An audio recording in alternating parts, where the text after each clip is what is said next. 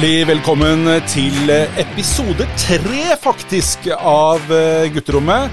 Endelig tilbake igjen. Ny uke med ny gjest, nye muligheter og forhåpentligvis eh, mer spennende og interessante ting å snakke om. Og dagens gjest er ikke noen hvem som helst. Dagens gjest er eh, fra Porsgrunn.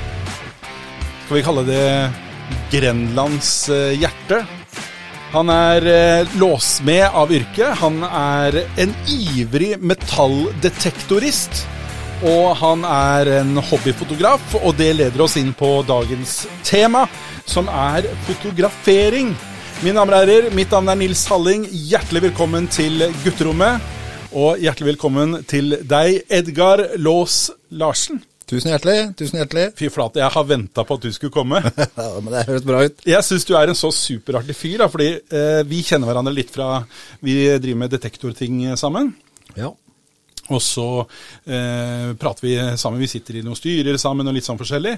Og så er du en sånn fyr som eh, Du, du har alltid noen morsomme historier å fortelle, og, og, du har masse kunnskap om så mye forskjellig som jeg interesserer meg for, og som jeg syns er gøy.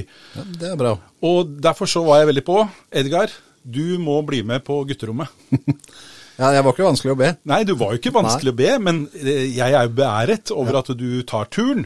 Eh, nå er det jo ikke så veldig langt å reise lenger. Vi har fin vei mellom Porsgrunn og Sandefjord. Absolutt. Men det må jo være hyggelig for deg som kommer fra regionshovedstaden i Telemark, å komme hit til regionshovedstaden i Vestfold, Ja, absolutt. som er Sandefjord, for de som måtte lure. Ja. Ja. Eh, vi er jo nesten nabobyer, da. Ja, det er jo bare Larvik imellom, Det er bare Larvik imellom. og det går jo fort forbi. Ja, altså med de veiene vi har i dag, så tar det ikke mange minuttene. Jeg har vært og jobba i Skien i dag, eh, og jeg bruker eh, vet ikke, 20 minutter hjem. Ja, Jeg tror ikke det bruker noe lengre tid enn det. Nei, Så det er fantastisk bra. Men eh, vi er godt i gang eh, med gutterommet.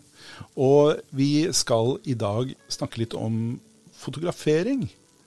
For det er en av dine store lidenskaper, det. Det er det. Det er uh, mer enn lidenskap, syns jeg. Det Men når, hvordan- begynte du med fotografering? for å ta en uh, lang historie kort, men kanskje litt lang også. Uh, jeg jobba på et skipsverft. Uh, og der var jeg så uheldig å miste den ene fingeren min. Ja, det har jeg sett. Eh, og blei sykemeldt, selvfølgelig. Eh, og da tenkte jeg det Hva skal jeg finne på mens jeg er sykemeldt? Jeg er jo ikke syk. Jeg har jo bare problemer med at jeg har mista en finger. Så jeg måtte jo finne på noe. Ja. Og så plutselig, tre-fire dager etter at det hadde skjedd, så Jøss, og penger på kontoen, jo. Så jeg fikk jo da en erstatning fra, fra jobben fordi jeg tapt av en finger. Så tenkte jeg nå skal jeg bruke de pengene til noe fornuftig. Da blei det å pusse opp kjøkkenet. Og så hadde jeg noe penger til overs. Og så hadde jeg en kompis som dreiv på med foto. tenkte jeg et foto, fotografiapparat, det vil jeg gjerne kjøpe meg. Så gøy. Så da Da blei jeg frelst. Men ehm, jeg, har jo jobbet litt med foto, faktisk. Jeg jobbet for ehm, et eh, ikke ukjent eh, merkenavn som het Canon for mange år siden. Så bra. Hva slags kamera er det du har kjøpt? Canon. Å, jeg digger deg, altså. Så bra. Men eh, jeg kan jo litt eh, Jeg kan ikke mye om foto. Men jeg kan litt, og jeg kan nok til å skjønne at når man er aktiv innen foto, så er det speilrefleks som gjelder. Absolutt. Eh, eller den gangen så var det jo det. Men nå er det jo noe som heter speilløst. Ja, Da må du fortelle, fordi jeg har jo ikke holdt på med dette her på 15 år. Jeg kan ikke fortelle så mye om speilløst, for at jeg, jeg bare Jeg har jo mest konsentrert meg om speilreflekskamera. Men nå har det kommet ny teknologi som gjør at det er speilløst.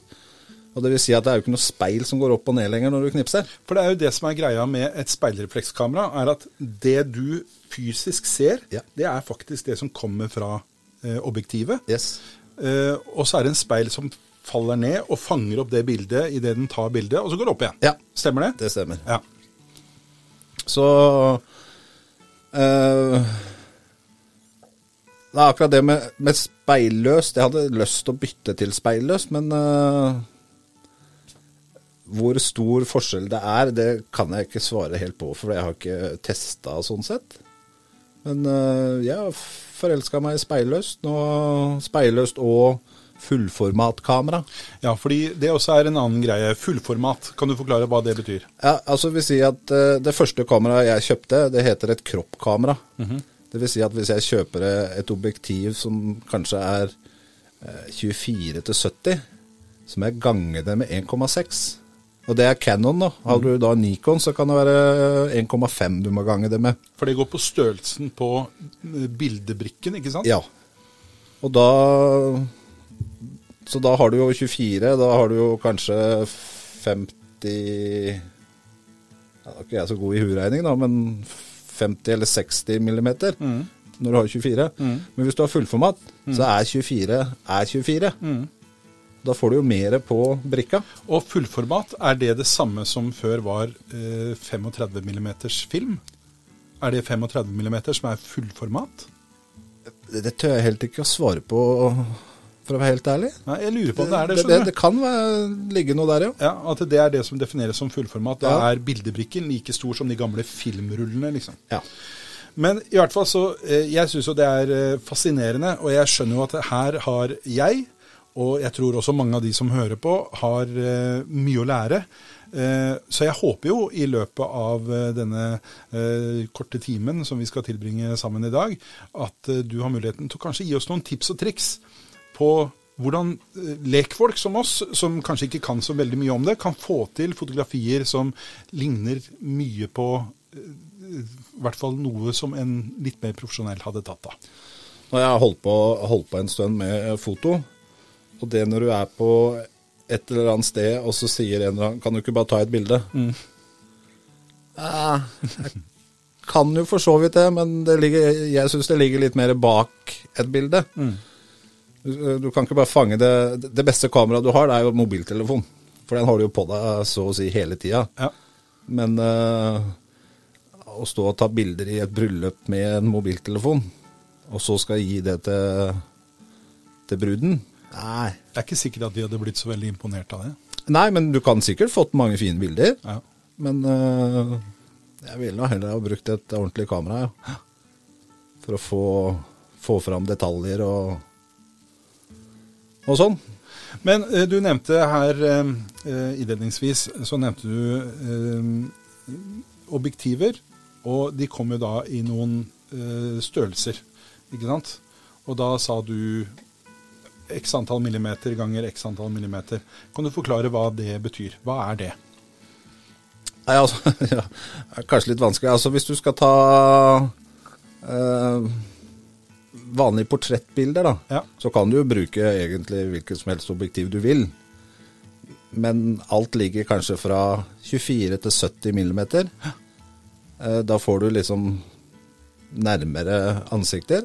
Eller du kan gjerne bruke en 200-objektiv. For det er, det er zoomen du sier nå, Ja. at vi går fra eh, 24 til 70. Da zoomer vi helt opp til 70 millimeters. Ja.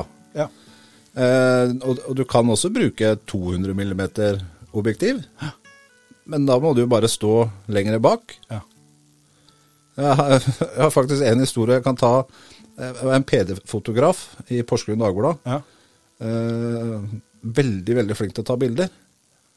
Og han har et eh, Hadde, jeg vet ikke om han har det ennå, da, men et Leica-kamera. Og det var jo det er det beste av det, Det er beste. gromsaker, ja, er ikke det? det koster litt. Ja. Og det hadde han bare sånn slengende i lomma, for det er jo ganske lite også. Og så liksom tenkte jeg på Hva gjør du liksom Og det var kanskje 50 eller 60 millimeter han brukte, da. Fast objektiv. Fastobjektiv.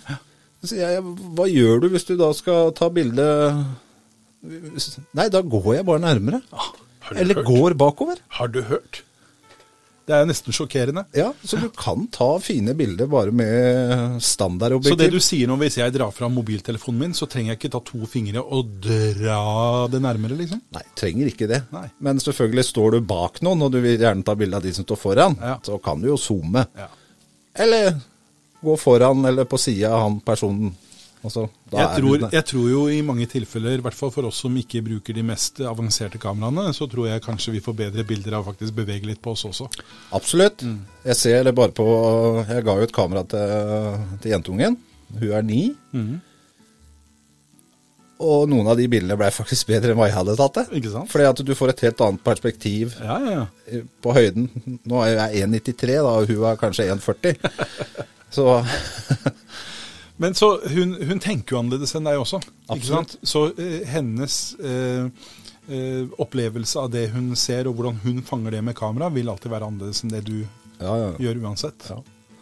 Og så er det litt moro å se at hun Hun er glad i å ta foto, hun òg. Ja. Men her har jeg et spørsmål til deg, Edgar. Fyll løs. Jeg eh, blir alltid veldig fascinert når jeg ser portrettbilder hvor man klarer å få til den der dosende bakgrunnen. Ja. Hvis jeg har bare en mobiltelefon, hvordan skal jeg få til en sånn dosen bakgrunn da? Nå er det sånn at eh, jeg ser du har iPhone, mm. og den har det innebygd Ok? eh, på telefon. At du kan få uskarp bakgrunn. Men eh, det er Jeg kan ikke si at det er vanskelig å gjøre det med et vanlig kamera, for det kommer an på objektivet du har. Eh, Hvis du har et 50 mm fast, 1,4, altså eh, blenderåpning, Og det er hvor mye lys den slipper igjennom, ikke Ja. sant? Ja. Da kan du få skarp bakgrunn eller uskarp bakgrunn, med motivet i til å bli klart, da. Hvordan velger du det? Ja, da må du vri på kamera, da. Altså, du kan ikke ha den i manuell. Du må sette den i Nei, um, Du kan ikke ha den i auto. auto. Unnskyld. det er bra du retta Jeg har alltid hatt den i auto. ja. Du må ha den i manuell. Ikke sant? Ja.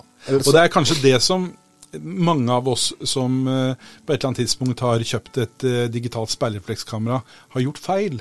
Det er jo det at vi, vi beveger jo ikke den lille knappen på toppen. Den står jo bare på A, auto.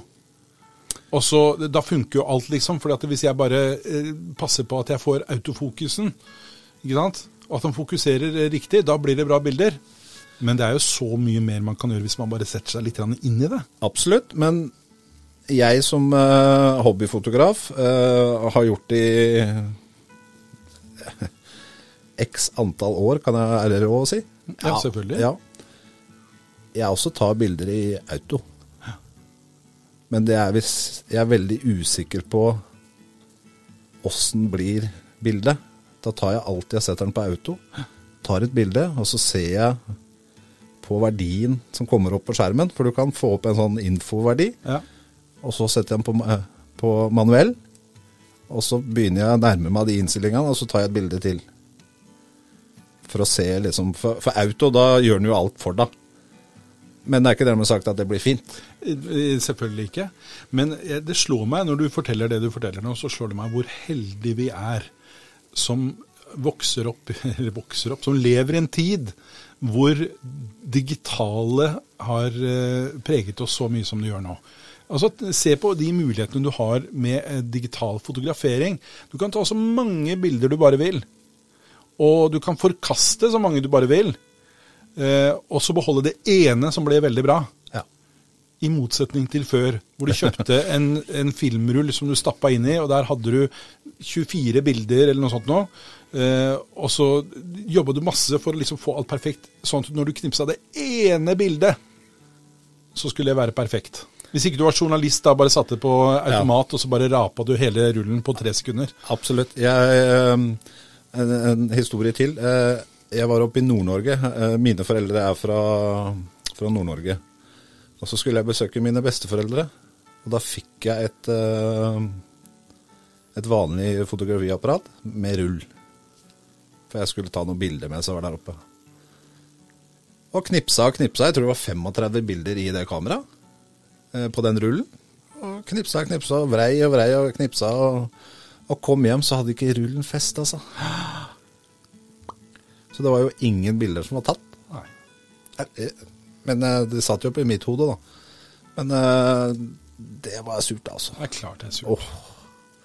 Og så var det den fineste dagen jeg noen gang har hatt der oppe. Men, og du eh, gleda deg sikkert veldig også til å se disse bildene, hvor flotte de blei. Og Ja. Lagt mye flid i å ta de bildene. Ja. Så Kjedelig.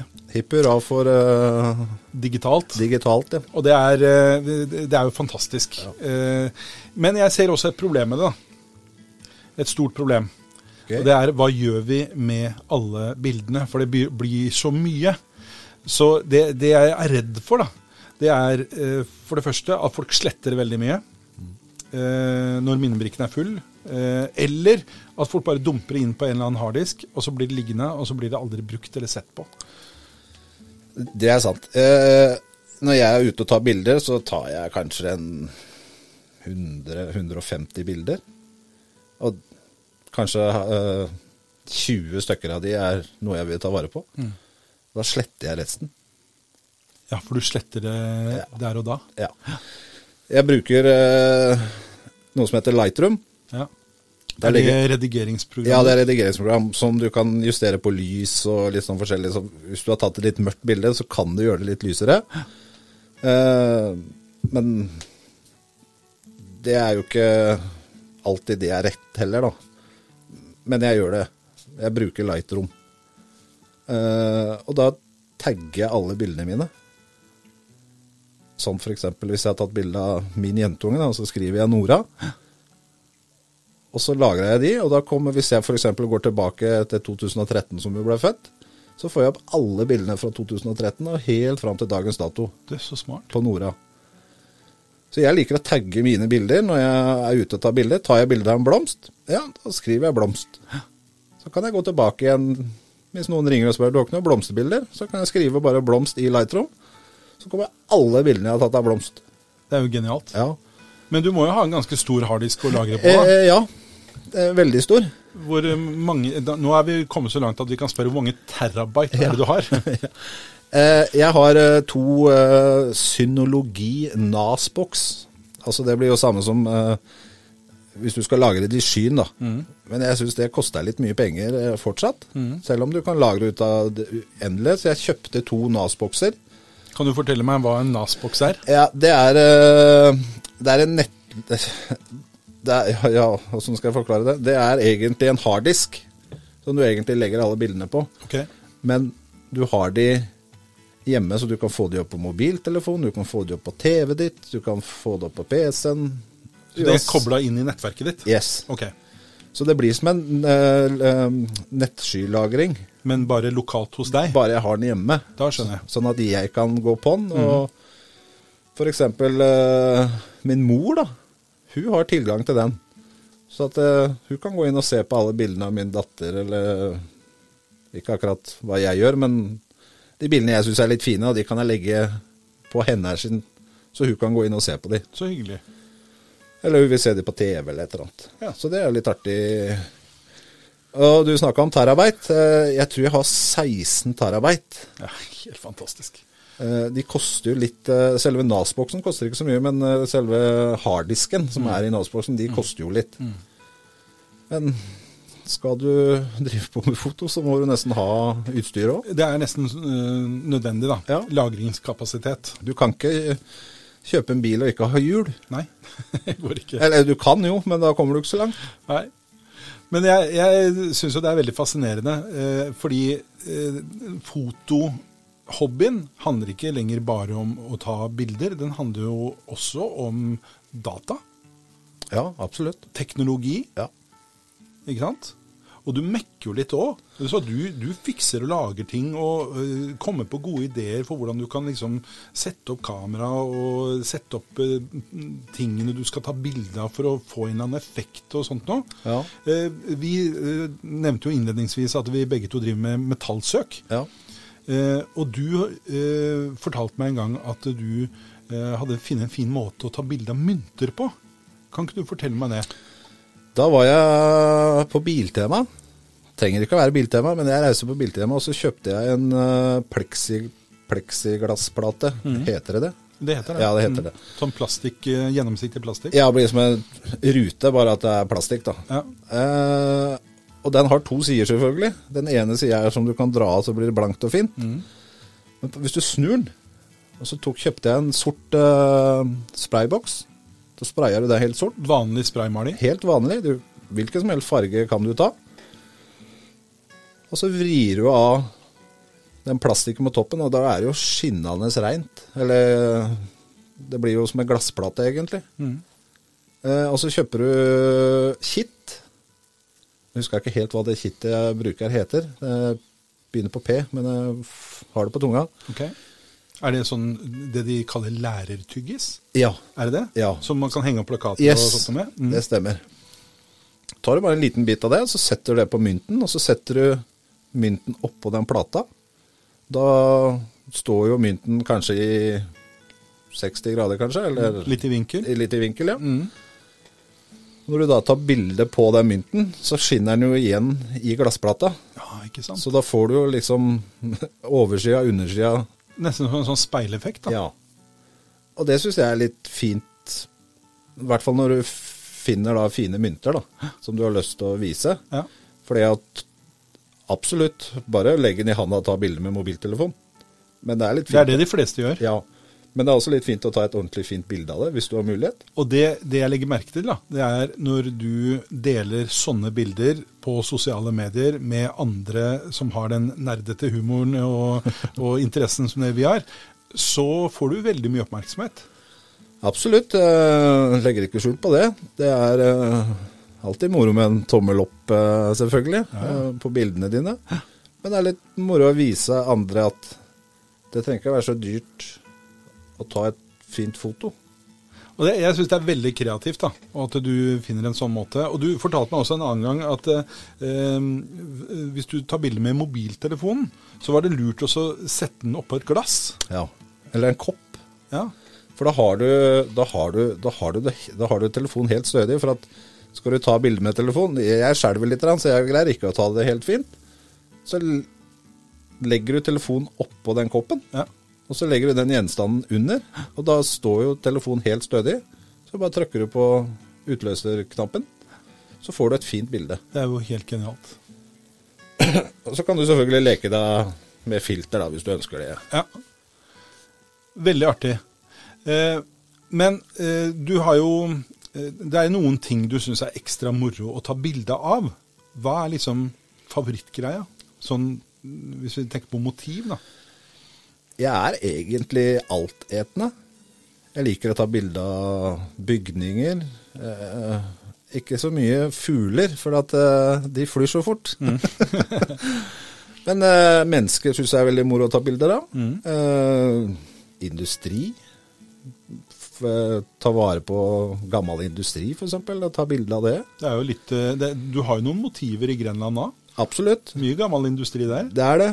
Men når du liksom har gått der for 215. gang, så begynner du å bli litt lei av det. Så det er litt deilig å komme seg litt ut. Så da man kjører e- egentlig land og strand og tar bilder. Så det, det er liksom Jeg har ikke noen sånn spesifikk favoritt. For jeg liker å ta bilde av det meste. Og jeg kan gjerne kjøre langs veien, og så plutselig Oi, det var en fin benk. Den tar jeg bilde av. Og da stopper du bilen og Ja. hopper ut med kamera. Ja. Jeg har så å si kamera med meg hele tida, uansett hvor jeg reiser hen. Så artig. Ikke akkurat mens jeg er på jobb, for at, uh, det koster jo litt. Og, så jeg har det ikke med på når jeg er på jobb. Det Nei. har jeg ikke. Nei. Men uh, da har jeg mobiltelefon, som jeg kan fange ting og tang. Når det skjer et eller annet Ja. spesielt. For, fordi at jeg driver jo også på med noe som heter bildemontasje, Ja. som du ser. ja, fordi du har nemlig du har tatt med en gave til meg. Ja, det har jeg, jeg. jeg ble nesten helt satt ut, fordi eh, her kommer da Edgar inn med en innpakket, flott gave, og det er et bilde. Jeg skal ta bilde av det og legge ut på Facebook-gruppa. Eh, det er et bilde med Gutterommet-logoen, og så meg i bånn. Eh, Podkast står det, og den der skal få hedersplass på gutterommet. Det kan jeg love deg. Og det, det, det som jeg har gjort der, da, det heter bildemontasje. Da tar du For det å gå på en nettside og ta et bilde, det kan bli veldig dyrt for deg. For du har noe som heter copyright. Ikke sant? Så alle bildene jeg har uh, tar, de er mine. Så jeg kan gjøre akkurat hva jeg vil med de. Og da syns jeg det er moro å sitte og leke seg litt. eh, Og da er det ikke Lightroom lenger, da heter det Photoshop. Da kan du shoppe litt. Fordi det er der du eh, tar bilderedigeringen din. Eh, Ja, hvis jeg skal gjøre mer i bildet Ja. enn bare å justere på lys Hvis jeg plutselig finner at bildet er veldig fint, men den bakgrunnen den var ikke så fin, Nei. da kan jeg klippe ut den bakgrunnen og legge på en annen en. Som kanskje er fint, og så blir bildet veldig fint. Men uh, da er det jo retusjert bilde. Eh, Er, det, er det sånn i eh, hva skal jeg si, fagmiljøet, er det veldig feil? Ja. Det å filter og sånt, noe, liksom, er det Nei, ikke filter og sånn. Jeg syns det er moro å ta bilde ut eh, Eller du tar bilde med kamera. Ja. Eh, Ja, det kan være litt lyst, eller det kan være litt mørkt. Da syns jeg det er helt greit å bruke Lightroom. Gjøre det litt mørkere eller litt lysere. Eller kanskje akkurat eh, den fuglen som fløy akkurat forbi, eller en bie, eller hva det er for noe, det kan du ta vekk. Men hvis du skal gjøre mer utover det, så må du i Photoshop. Ja. Og da, si, da ødelegger du vel bildet Men det gjør sånn at du får mange fine bilder som er gjort i Photoshop. Og det er veldig vanskelig å se at Oi, her er, en, her er noe som ikke stemmer, men med det blotte øyet så ser du det likevel. Men hvis jeg var med i en konkurranse, fotokonkurranse, ville jeg blitt diskvalifisert hvis jeg hadde uh, shoppa det for mye? Det tror jeg. Ja. Det er jeg nesten sikker på at du hadde blitt. Hvis de hadde tatt deg. ja. Hvis du hadde vært kjempe, kjempe, kjempeflink, så kan de kanskje ikke se det. Men det må jo ikke være øh, overnaturlig. Nei, nei, nei. Men jeg, jeg vet jo det at øh, man ser veldig mange spektakulære bilder. da. Og så tenker man liksom, kan dette være mulig? Har de virkelig klart å fange dette mikrosekundet og fått det på filmen? Eh, Da må jeg spørre om en annen ting. Har du noen gang tatt et bilde av en solnedgang, og det har vært likt? Nei. Nei. Du greier liksom ikke å fange det helt, men i Lightroom da, eksempel, så kan du justere litt på, på noen spaker. Så får du det nesten helt likt som det du så. Men eh, jeg har aldri greid å fått Selvfølgelig har jeg tatt bilde som jeg, jeg aldri har gjort noe med, for jeg syns det var kjempefint. Men eh, er alltid innom Lightroom og drar litt i en spakk. Men jeg, jeg, eh, eh, jeg tar eh, Jeg har slutta å ta bilder med eh, hva skal jeg si, eh, vanlige kameraer. Eh, Jeg tar bare med mobiltelefon nå. Ja. Men jeg må innrømme at det hender innimellom at jeg drar og justerer litt på både eh, kontrast og lys og Ja. metning og alt mulig sånt noe, for å få det litt mer eh, imponerende. Ja, ja, det er sant, det. Det er litt jukseløsning, da. Jo, men jeg syns av og til på noen bilder så Jeg kaller det trolsk. Jeg vet ikke om det er innafor å si, men at du Bildet blir litt spesielt, da. Ja, Det syns jeg er litt fint. ja. Men det er, jo smak og behag. for Smak og behag. Men eh, vi var da så vidt inn på dette med mm, konkurranser, og jeg vet jo at du er en eh, eh, ivrig foreningsmann. Eh, og at du faktisk sitter i styret i Grenland Fotoklubb. Det gjør jeg. Og da vil jeg jo anta at du også er med på en del konkurranser og konkurrerer med bildene dine. Hver eneste i Grenland Fotoklubb som jeg er medlem av, uh, ca. 50 medlemmer. Det er alt ifra eh, han eller hun som ikke kan noen ting, til profesjonell fotograf. Og det er litt moro, for at er det noe du lurer på, så kan du spørre dem. Det er ingen som liksom sier at nei, finn det ut sjøl. Det er hyggelig, da. Jeg, jeg, Er ikke det en av fordelene med å være i en sånn klubb? Helt enig. At man kan dele kunnskapene? Yes. Jeg, jeg ønsker å slå et slag for eh, altså foreningsarbeid generelt sett. Ja. Fordi jeg har så tro på eh, dette her med å organisere seg og være sammen med andre som har felles interesser. Og kanskje ikke bare for å lære mer og sånn, men også få det sosiale i det. det er så, jeg syns det er så viktig, da. Absolutt. eh, Det er helst at vi, vi reiser på turer. eh, Som vi da hovedsak alle som er med på den turen. da. Vi er der for én ting, det er å ta bilder. Ja. Det er det vi liker. Eh, Opplevelsen. Så vi var for I 2019 så var vi jo på Færøyene. Oi. Og det eh, Da er det masse flotte motiver, kan jeg tenke meg. Ja, det var litt himmel på jord for meg. Men klarte du å unngå å ta bilde av fugler da? Eh, vet du hva, det var ikke så mye fugler, det. Var det ikke det? Nei, eh, vi eh, lå, lå nesten en hel dag. Vi har venta på lundefuglen. Ja. Men da begynte jeg å fryse så fælt, at, eh, for det var ganske kaldt. For vi var der i 2. mai. Lundefuglen, er det den de kaller Nordens papegøye? Ja. Den som har det flotte, fargerike nebbet. Puffin på engelsk. Tøft. Og, eh, nei, jeg lå nesten et helt, eh, en hel dag og venta på den. Og frøys og frøys og frøys. Fordi at eh, Nå er ikke jeg noe jeg håper å si patalog, jeg var ikke det det heter, men uh, innen fugl ornitolog. Ja. Patologer gjør noe helt annet. Ja, det var det, det som slo meg plutselig. fuglen da flyr jo på morgenen, så flyr den jo ut på havet for å leite etter fisk. Ja. Eh, og så kommer han jo inn igjen på kvelden. Eh, vi var vel der sånn ja, midt på dagen og venta. Og da kom det jo en færøyer da, bortover som sa at nei, de, de, det tar litt tid før de kommer tilbake igjen. Og som sagt så frøys jeg så inn i granskauen at jeg gikk i bilen og satt meg. Og så kom jo alle de andre tuslene etter da. Da hadde de tatt bilder av lundefuglen, men ikke jeg. Så det er liksom Litt nedtur, da. sitte og vente på Det er mye venting hvis du skal ta bilde av dyr. Og det har jeg også skjønt, at eh, de som er aktive innenfor eh, kanskje ikke bare fugler, men eh, alle typer dyr, de må smøre seg med tålmodighet og bruke mye tid ute i felt. Absolutt. Det Du har ikke investert i et sånt eh, lite fototelt og satt deg til rette inn i skauen og venta på reven? Nei, men jeg har en veldig god øh, Jeg kaller den for øh, kollega, holdt jeg på å si. Eh, Vi er jo med i samme klubben. En veldig god venn av meg. Eh, Vi lagde en utløsermekanisme Jaha. som han hadde laga. Og så tenkte jeg at å, den har jeg også lyst til å lage.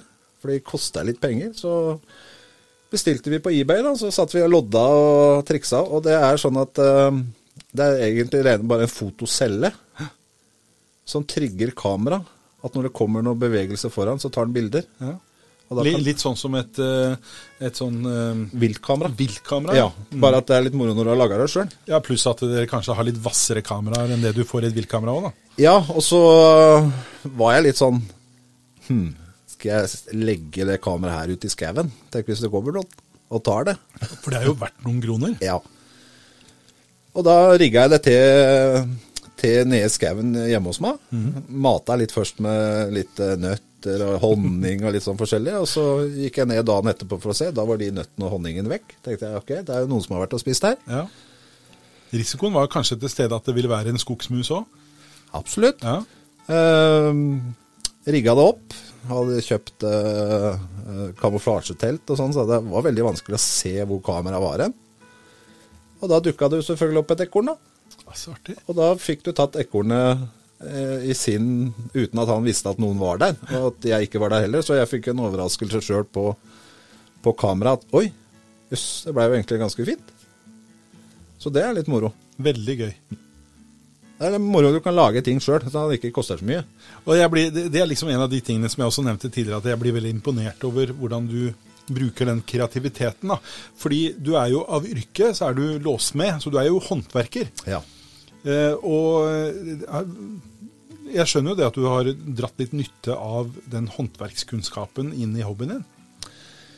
Ja, jeg har vel alltid jeg håper å si, hengt i ræva etter faren min, for han er sånn multikunstner. Han kan alt og er ikke redd for å gjøre ting. Så jeg har liksom alltid hengt etter han han har snekra, og så har jeg lært meg å snekre, og så har han kobla litt elektrisk, og så har jeg fått litt støt, og så Så liksom Det å gjøre ting, det syns jeg er moro. Og det, det tror jeg de skjønner, de som har hørt på denne podkasten tidligere. da. Så vet jo det at eh, jeg også har jo en far som har preget meg i stor grad i forhold til eh, ja, både mine kunnskaper og mine interesser. Og min far han sitter og humrer og ler når du forteller det du forteller. Med både snekring og elektrisk og koblinger og alt mulig sånt noe. Fordi da jeg var guttunge, så var jeg veldig glad for å få ting. Men jeg var enda mer glad når jeg kunne pelle de fra hverandre for å se hvordan de virka. Åh, jeg tror ikke jeg har tall på hvor mange ganger uh, min mor og min far har kjøpt ting, og så ligger det 1000 bet der. Jeg, jeg har lyst til å se åssen det ser ut inni. Ja, ikke sant? Men det verste er at du har jo lært masse av det. Absolutt. Det er jo det som er uh, moro oppi det greiene. da, At uh, ok, det funker sånn. Jeg ødela det. Kjøpe, kjøpe en ny ting, men ikke åpne opp. Ikke sant? Nå vet jeg åssen det ser ut innvendig. Ja. Og nå vet du hvordan du skal reparere den hvis den går i stykker òg. Helt enig. Ja. Fordi For min del så kjenner jeg det at uh, den kunnskapen som jeg har tilegna meg opp gjennom alle årene med å pelle ting fra hverandre, det har også ført til at jeg klarer å fikse det meste i dag. Ja. Og jeg har eh, fire barn, alle sammen er jenter, og de har hatt en lei tendens til å ødelegge ting oppimellom. Og det har vært både sine egne ting og mine ting. Ja. Eh, og det hadde blitt forferdelig dyrt for meg hvis jeg måtte kjøpe nytt hver eneste gang de har ødelagt et eller annet. Så jeg, jeg er veldig takknemlig til min far, pappa, tusen takk for at jeg har eh, fått den anledningen til å, å Og det ligger nok litt i genene her også, men at jeg har den anledningen til at jeg klarer å fikse ting. Eh, og det er, Du har jo sett også den verkstedet mitt ser ut også. Det er jo, jeg har jo et verktøy for enhver eh, ethvert problem. Ja. Så det er jo fordelen. Det- Men det har jo du òg. Fordi du har jo blitt låst med. Var, var det den greia der som førte deg inn i det yrket? Ja, alt, ja, både ja og nei. Eh, Det var vel Jeg har alltid vært litt interessert i elektronikk. Jeg er ikke så flink med det, men uh, som sagt, åpne opp og se at oi, det, her er det noe gærent. Den, hvis jeg bytter ut den, kanskje det funker da? Oi, det funka jo. Og det er det jo litt i låsmedfaget på elektriske ting. Eh, det- Og bare sånn for å ha klargjort det, låsmedfaget, for det er, det er et fag. Ja, eh, Og man tar fagbrev det gjør man. og mesterbrev. Ja. Ja. Det er eh, Min sjef er jo da mesteren, og så er vi som er eh, for du må, må, jeg, Nå skal ikke jeg si det være, være helt sikker, men jeg tror du må være mester for å ha Lærlinger. Ja, også for å drive en låsmed, Ja, tror jeg. Det, Det, det, Det er ikke jeg helt sikker på. Men det er helt sikkert en fordel, Ja, vil jeg tro. det er ikke så dumt. Det er ikke så dumt. er ikke så dumt å ha en som kan litt mer bak. I hvert fall som kan den økonomiske biten også. Ja, det er, det er helt sant. Men øh, eh, jeg syns det er veldig spennende yrke, eh, og du må jo komme borti mye rart. Altså, Folk ringer jo låsmenn for mye rart. Ja, det gjør de faktisk. Eh, ja, nå måtte jeg bare le litt av meg sjæl her, men uh, det er liksom sånn Jeg får ikke, jeg får ikke, får ikke igjen døra. Nei vel? Og da har jeg lyst til å spørre Har du prøvd å ta ned håndtaket? Å ja. Ja ja, stemmer. Så det, noen er sånn, men andre er liksom Da har det gått i stykker, og da skjønner jeg det. Men, Men det, det, er, det er så morsomt. Og jeg, jeg, jeg, har, eh, jeg har aldri vært låst med, men jeg har eh, en ting jeg har jobbet med tidligere, det er mobiltelefoni. Og det er mange mange år siden. Det er vel omtrent på den tiden som disse her eh, berømte quizkortene mine er fra. Ja. Vi snakker rundt 2000-tallet. Så kommer det en kar inn i butikken min. Jeg drev butikk på Nordbyen i Larvik. Og så kommer det en kar inn i butikken og så sier han, du, det er noe gærent med den telefonen jeg kjøpte av deg. Ja vel, hva er gærent, sier jeg. Nei, den funker fint lite grann, og så etter hvert så blir lyden bare svakere og svakere og svakere, og til slutt så hører jeg ingenting. Ja, det var en merkelig greie, sier jeg har aldri vært borte før. La oss, la oss finne ut av hva dette er for noe. Nå ringer jeg deg, og så eh, skal du svare telefonen, og så står vi og prater, og så forteller du meg når dette skjer. Og så ringer jeg han opp, og han tar telefonen og holder den opp til øret sitt. Og så står vi og prater, og så etter litt så ser jeg hvordan hånda hans siger litt ned, fordi at han begynner å bli litt sliten i armen. Ja, ikke sant. Og så sier han nå, nå begynner det, nå hører jeg deg nesten, nå, nå, nå hører jeg deg ikke lenger. Da står han da med telefonen langt ned på kinnet. ikke sant? Ikke sant. Og eh, jeg klarte jo ikke la være å le, ikke sant? for det var jo veldig morsomt. Men stakkars mann, han ble nok litt flau når jeg forklarte han at eh, et lite øyeblikk, og så tok jeg tak i albuen hans og bare skjøv den opp. Hører du meg nå? Ja. nå hører jeg deg! Det var veldig bra. Nei, det, det, er, det er sånn at det var en eh, Det var en dame som hadde ringt uh, Guttungen hadde lossa inne på do. Mm. Det kan fort bli gærent. Ja, eh, hun var litt sånn hysterisk, da. Heiv meg i bilen og kjørte bort og banka på. Og ja, sitter oppe. Og så banka jeg på toalettdøra liksom sier at nå skal jeg få deg ut. Ja, ja, det var ikke noe problem. Han hadde pa- iPaden her, han. Så det går fint. Så han satt og kosa seg på doen, liksom.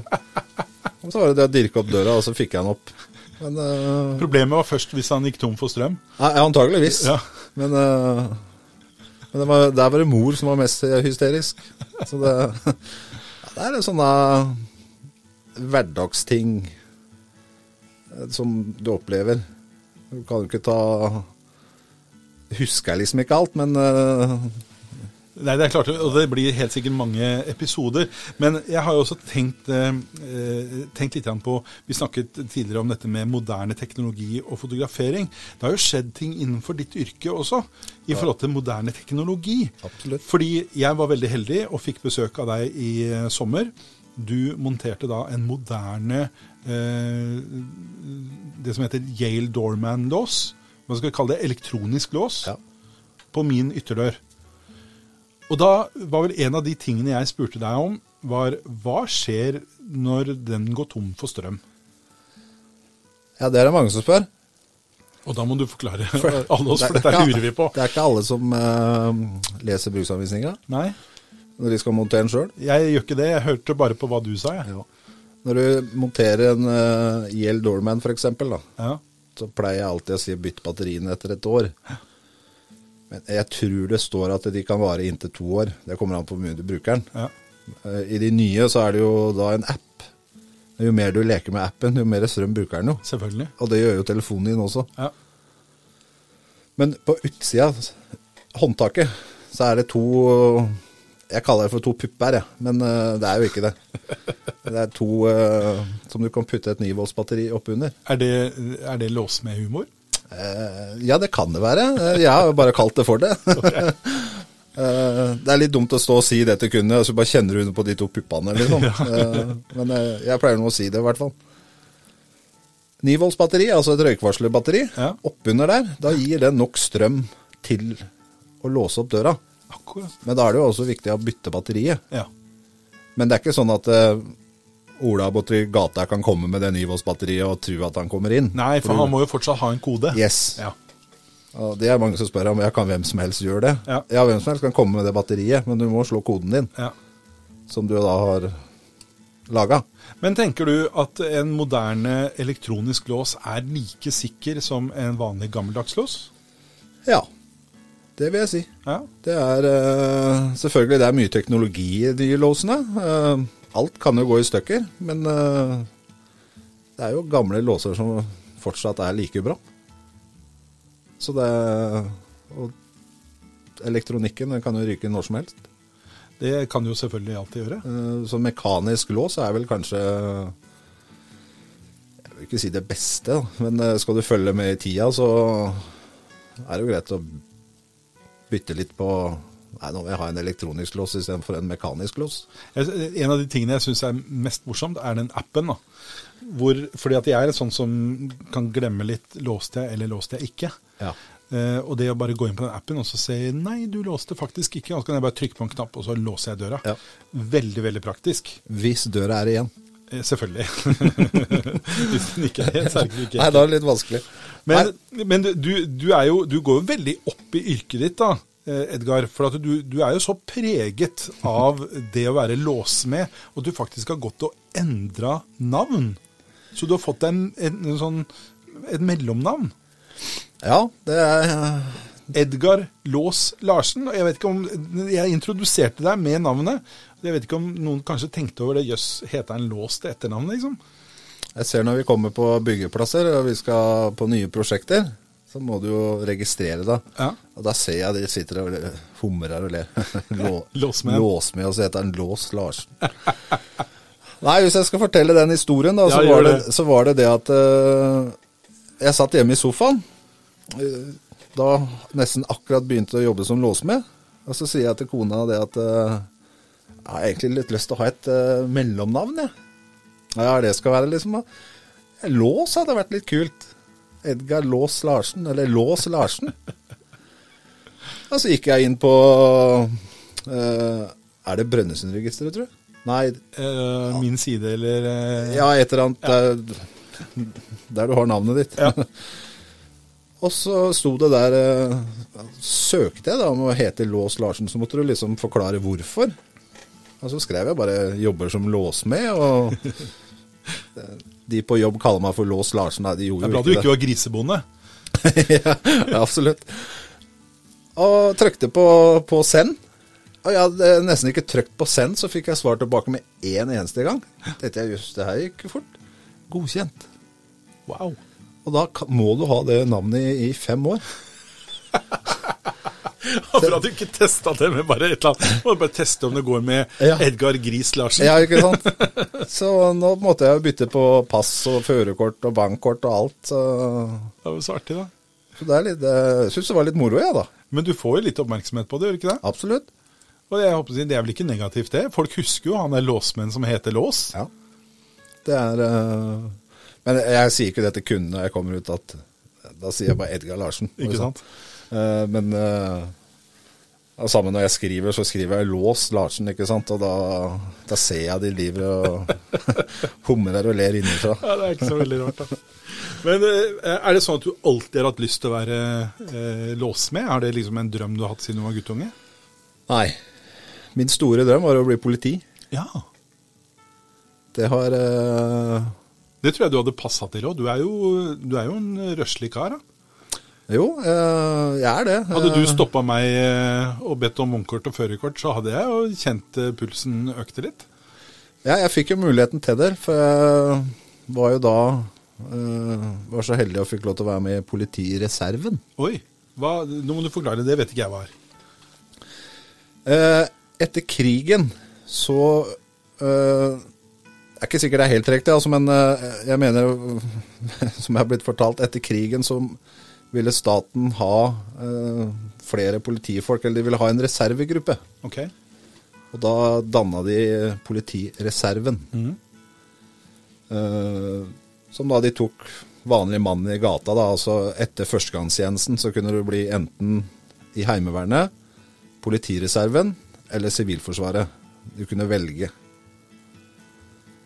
Eh, jeg jobba da som vekter den gangen, etter militæret. Ja. Eh, så jeg søkte om det. Men så hadde jeg også en politimann som sjef. Som han har vært inne i bildet der, det tør jeg ikke helt å svare på, men den vet du aldri. Vet du aldri. Og da fikk jeg plutselig brev i posten at eh, jeg var tatt inn i politireserven. Da kjente jeg hjertet dunka litt, for at det er jo ikke så ofte du får brev i posten du så politiet på. tenkte jeg, har jeg kjørt for fort? Jeg hadde blitt så nervøs. Så da, fra 97, tror jeg det var, da var jeg med i politireserven, og helt til de la ned nå for tre-fire år siden. Så det eksisterer ikke lenger? Nei. Nei, for jeg var i Heimevernet. Ja. Nå er jeg altfor gammel til å være i Heimevernet, men eh, det eksisterer jo fremdeles. Ja, eh, når de la ned det, så fikk alle som var med i politireserven Jeg tror vi er Jeg tror vi var 80 000, tror jeg, Såpass, ja. i hele Norge som var med. Mest her nede på Sørlandet, eller Østlandet. Eh, da fikk alle en lapp at vi ble ikke overført til Sivilforsvaret eller Heimevernet. Takk for en god tjeneste. Ja, Og da var det jo ferdig. Ferdig. Så det blei eh, fire øvelser, tror jeg det var. Ja, fire stykker. Ja. Og det var litt moro, for da var du én uke Første gangen så var vi 14 dager i Stavern. Og det her På var jo da politiskolen? på Politiskolen, ja. ja. Så gøy. Ja da, så jeg har uh, såkalt politiutdannelse. Fjor, Oi, oi, oi. 14 dager. Hadde du uniform også? Ja da. Politiuniform? Ja. Nei, så gøy. Og de sa det at eh, vi fikk jo ikke noe politibevis. Nei. Men uh, har du Du på deg hadde du batong? Nei. Nei. Jeg hadde nøkler.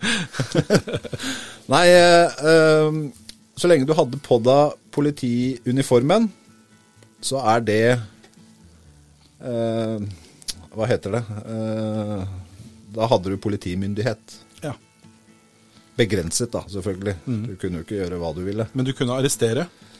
Eh, nei. Nei. Eh, politires politireservens oppgave er VIP-tjeneste, eh, områds- eller objektsikring. Eh, og VIP-tjeneste, jeg tenkte jeg, jøss, skal, skal en politireserve som har vært inne i 14 dager, passe på kongen? Eh, nei. Så hva den VIP-tjenesten var inne for, det fikk vi aldri liksom helt skjønt hvorfor. Men objektsikring, da. Altså passe på et objekt. Ja. Eh, Men så var det jo det at under OL på Lillehammer så blei jo vanlig politimannen brukt. Og da måtte politireserven inn og gjøre deres tjeneste. ja, ikke sant. Så at hvis du kom på en trafikkulykke da, så liksom hm, Hva skal jeg gjøre nå?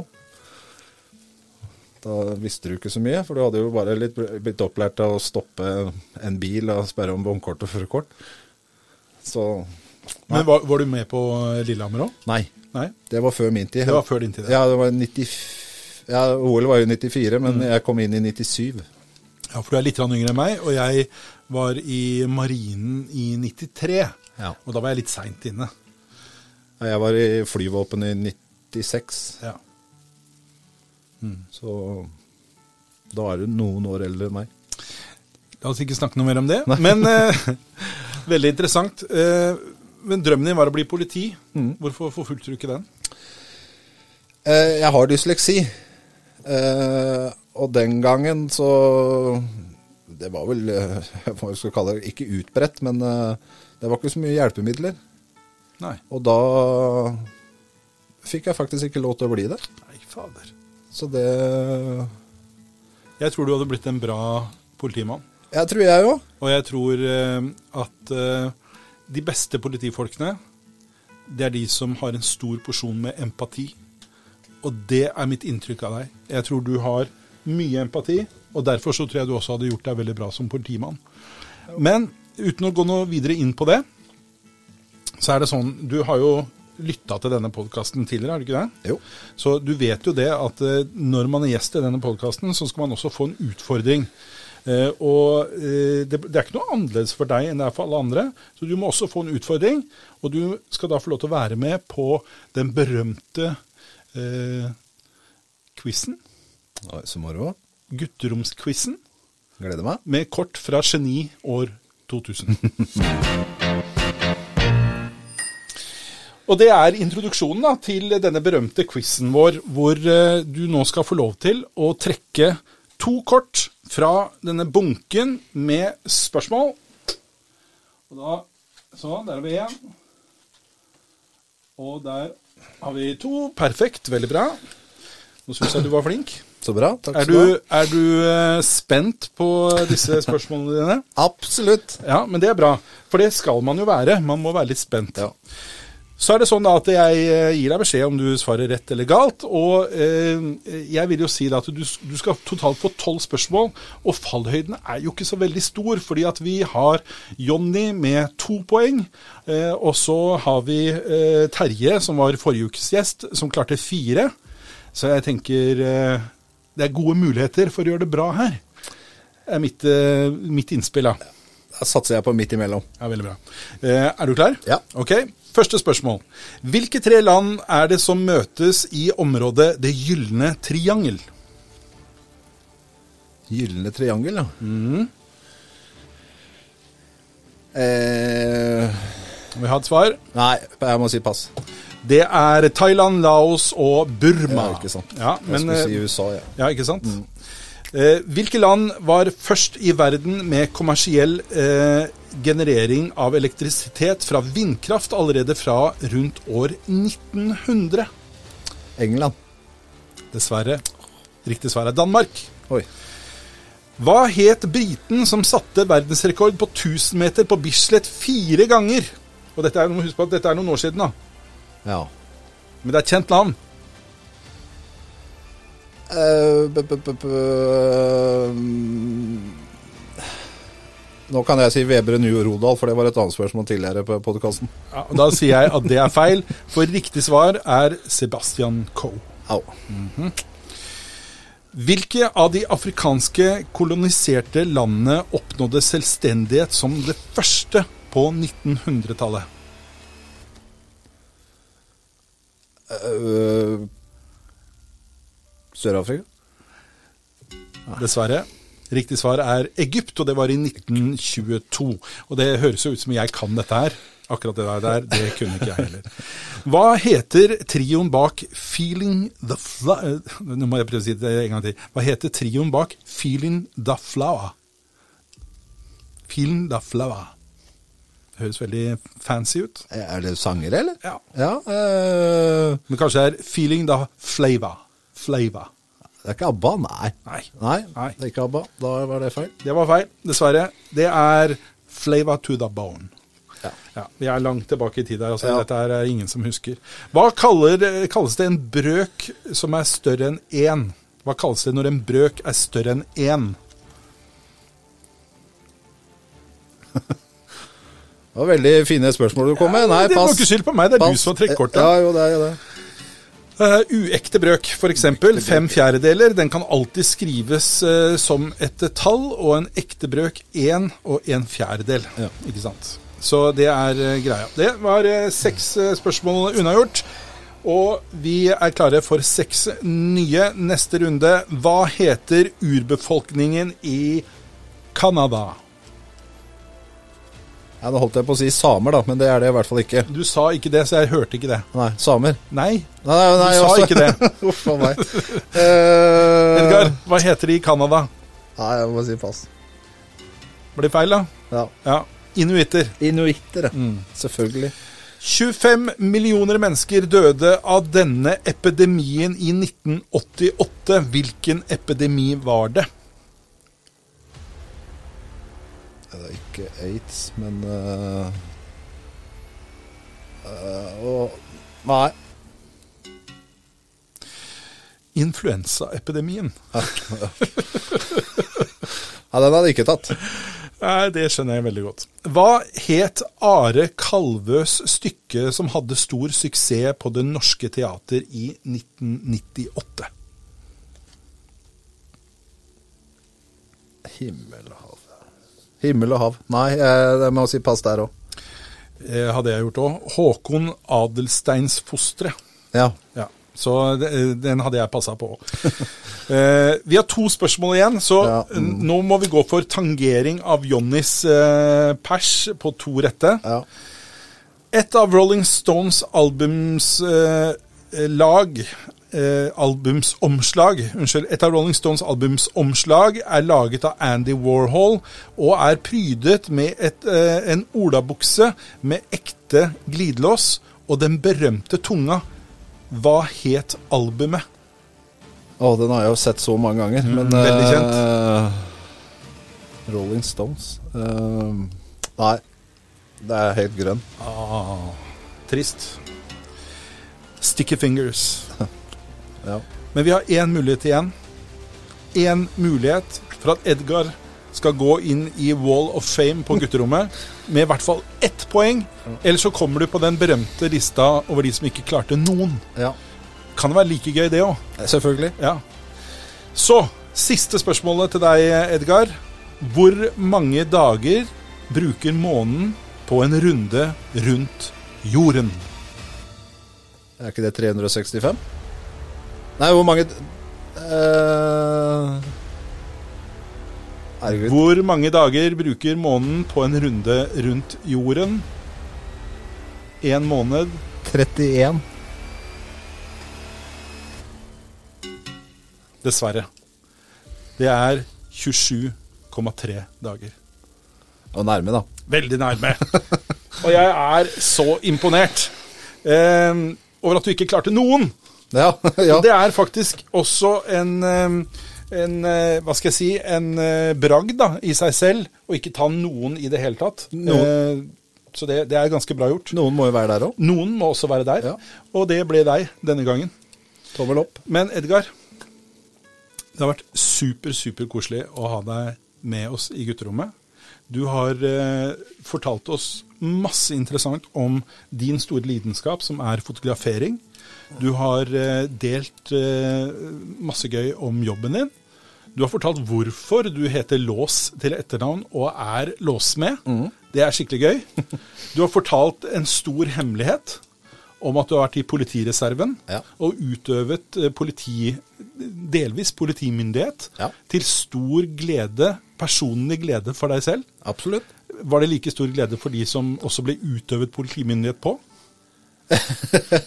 Nei, det er ingen kommentar.